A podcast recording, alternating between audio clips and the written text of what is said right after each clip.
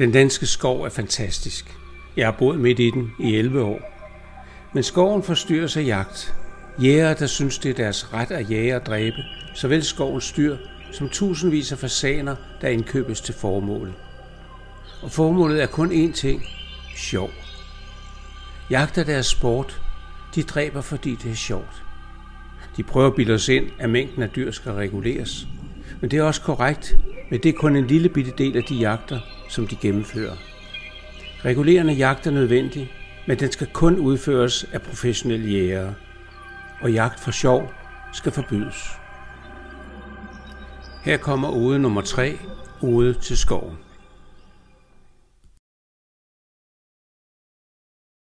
Jeg elsker skoven. Den danske lyse bøgeskov.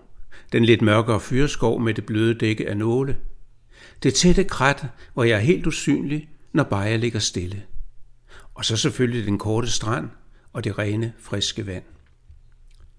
Jeg har boet i skoven i 11 år. Jeg er den 8. generation på Gardvejen i Korselitse Hovedskov.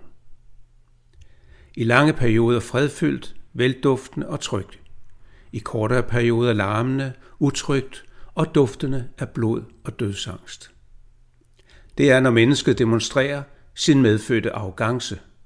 Det, man har magt til, har man også ret til. De jæger skaber frygt, slår forældre ihjel og splitter familier. Fuldstændig uden empati og fornemmelse for det ragnarok, de skaber blandt svagere væsener. Det er deres sport. De gør det for sjov. Denne morgen er særlig smuk. Tunge dufte efter nattens stille regn.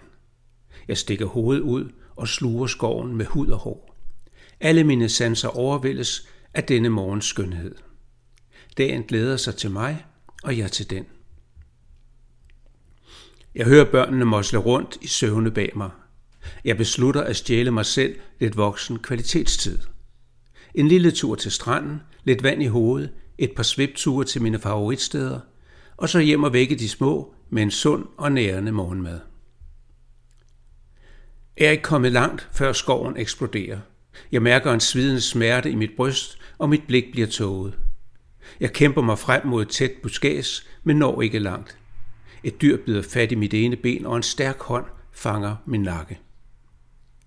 Jeg mærker svagt, at mine ben bindes sammen. Jeg slænges respektløst over en skulder, hænger nedad.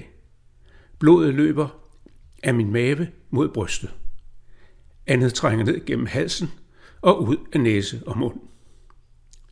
Det sidste, jeg tænker, før mørket kommer. Må jeg bliver den sidste generation i Korselitseskoven? Eller klarer ungerne sig og starter en ny familie og en ny generation i Revegraven på Gardvejen?